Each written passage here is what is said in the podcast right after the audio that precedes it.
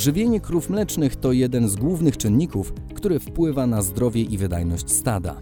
Wszelkie błędy w tym zakresie mogą prowadzić do strat ekonomicznych wynikających z leczenia zwierząt, zmniejszenia jakości i ilości produkowanego mleka, czy też przedwczesnym brakowaniem krów ze stada. Dziś przyglądamy się bilansowi kationowo-anionowemu dawki pokarmowej i temu, jak utrzymywać jego właściwy poziom.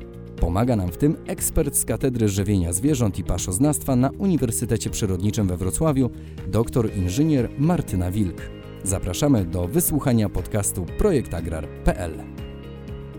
Dzień dobry. Może zaczniemy od wyjaśnienia, czym jest bilans kationowo-anionowy dawki pokarmowej. Dzień dobry Państwu. Bilans kationowo-anionowy dawki, w skrócie DCAD, z angielskiego Dietary Cation Anion Difference, określa stosunek kationów, jonów potasu i sodu do anionów, chloru i siarki. Innymi słowy, bilans kationowo-anionowy dawki to bilans elektrolitów. Wartości DCAD dawki pokarmowej są podawane w miliekwiwalentach na kilogram suchej masy. Kationy potasu i sodu są zasadowe, natomiast aniony chloru i siarki kwasowe. W zależności od przewagi kationów lub anionów w dawce, ogólny bilans składników mineralnych może być ujemny lub dodatni. Może to brzmieć bardzo tajemniczo, ale w praktyce przy odpowiednim żywieniu mineralnym bez trudu zadbamy o właściwy bilans elektrolitów. Czy jest jakiś czas w cyklu produkcyjnym, gdy DCAD dawki pokarmowej ma szczególne znaczenie? Bilans kationowo-anionowy ma szczególne znaczenie dla krów w okresie zasuszenia. Właściwy poziom DCAD jest konieczny do prawidłowego wchłaniania wapnia z paszy, co jest istotne chociażby ze względu na profilaktykę hipokalcemii. Ryzyko hipokalcemii wzrasta w okresie okołoporodowym.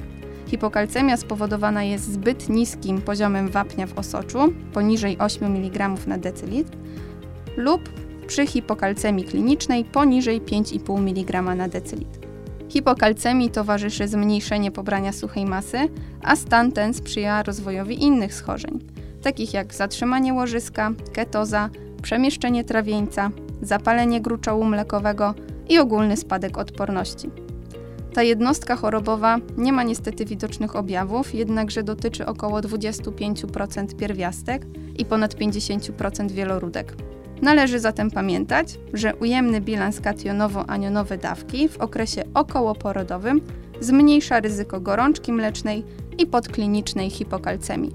A zatem jaki powinien być DCAD w tym czasie? W okresie okołoporodowym, na dwa tygodnie przed porodem, DCAD dawki powinno oscylować w granicach minus 100 do minus 150 miliekwiwalentów. DCAD dawki poniżej plus 250 miliekwiwalentów może skutkować rozwojem kwasicy. Z kolei powyżej plus 300 miliekwiwalentów może spowodować pojawienie się alkalozy. Aby podnieść zawartość anionów w dawce pokarmowej, czyli obniżyć DCAD, stosuje się różne sole, m.in. chlorek amonu, siarczan amonu czy chlorek magnezu. Ponadto takie pasze jak np. suszony wywar kukurydziany, tzw. Tak DDGS, są źródłem siarki, która obniża bilans kationowo-anionowy dawki pokarmowej, np. w okresie okołoporodowym. Natomiast w dawkach przeznaczonych dla krów mlecznych DCAD mieści się w przedziale od plus 100 do plus 350 miliekwiwalentów. We wczesnej laktacji DCAD powinno wynosić około plus 500, w pełnej laktacji od plus 275 do plus 400 miliekwiwalentów. Natomiast dla krów zasuszonych powinno oscylować w granicy minus 100 do plus 100 miliekwiwalentów na kilogram suchej masy. Podsumowując, DCAD dawki w okresie laktacji powinien być dodatni, natomiast w okresie zasuszenia krów DCAD powinno przyjmować wartości ujemne.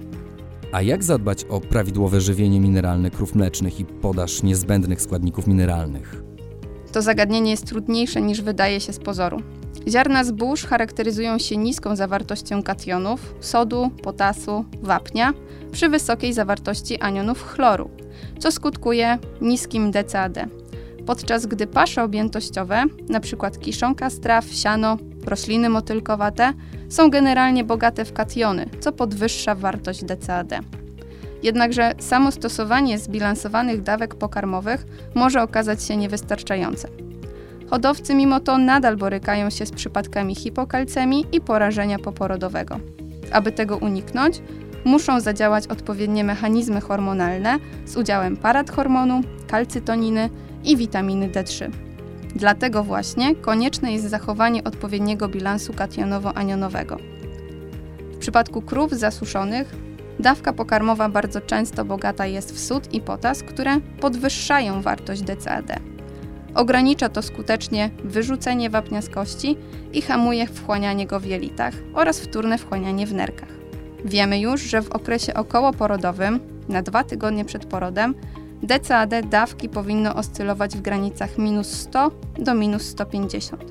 Dlatego dla tej grupy produkcyjnej powinniśmy ograniczyć używanie pasz zawierających wapń, takich jak lucerna i wysłodki buraczane, oraz pasz z większym udziałem potasu, np. trawy czy kiszonki z traw, które podwyższają DCAD dawki pokarmowej.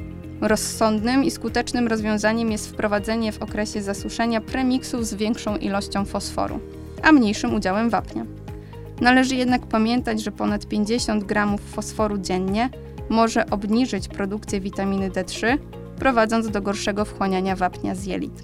No dobrze, to jaką konkretną mieszankę mineralno-witaminową mogłaby Pani polecić dla naszych słuchaczy? Idealnym rozwiązaniem, jakie mogłabym polecić każdemu, jest mieszanka paszowa uzupełniająca Josera Dairy Anion. Mhm, dlaczego akurat ona? Dairy Anion zawiera sole anionowe, które pozytywnie wpływają na homeostazę dawki pokarmowej poprzez naruszenie równowagi pomiędzy kationami potasu i sodu i anionami chloru i siarki. Ta mieszanka wpływa na aktywację mechanizmów odpowiedzialnych za zwiększenie poziomu wapnia we krwi oraz zapewnienie odpowiednio wysokiego poziomu witaminy D3. Dzięki temu ułatwimy naszym zwierzętom wchłanianie wapnia w jelitach. Poza tym stosowanie akurat tego preparatu to mniej problemów z zatrzymaniem łożyska, łatwiejsze porody i szybka regeneracja macicy. Dobrze, myślę, że dzięki Pani wyjaśniliśmy kwestię właściwego DCAD dawki pokarmowej. Dziękuję w imieniu słuchaczy za te wyczerpujące odpowiedzi. Ja również dziękuję, to czysta przyjemność.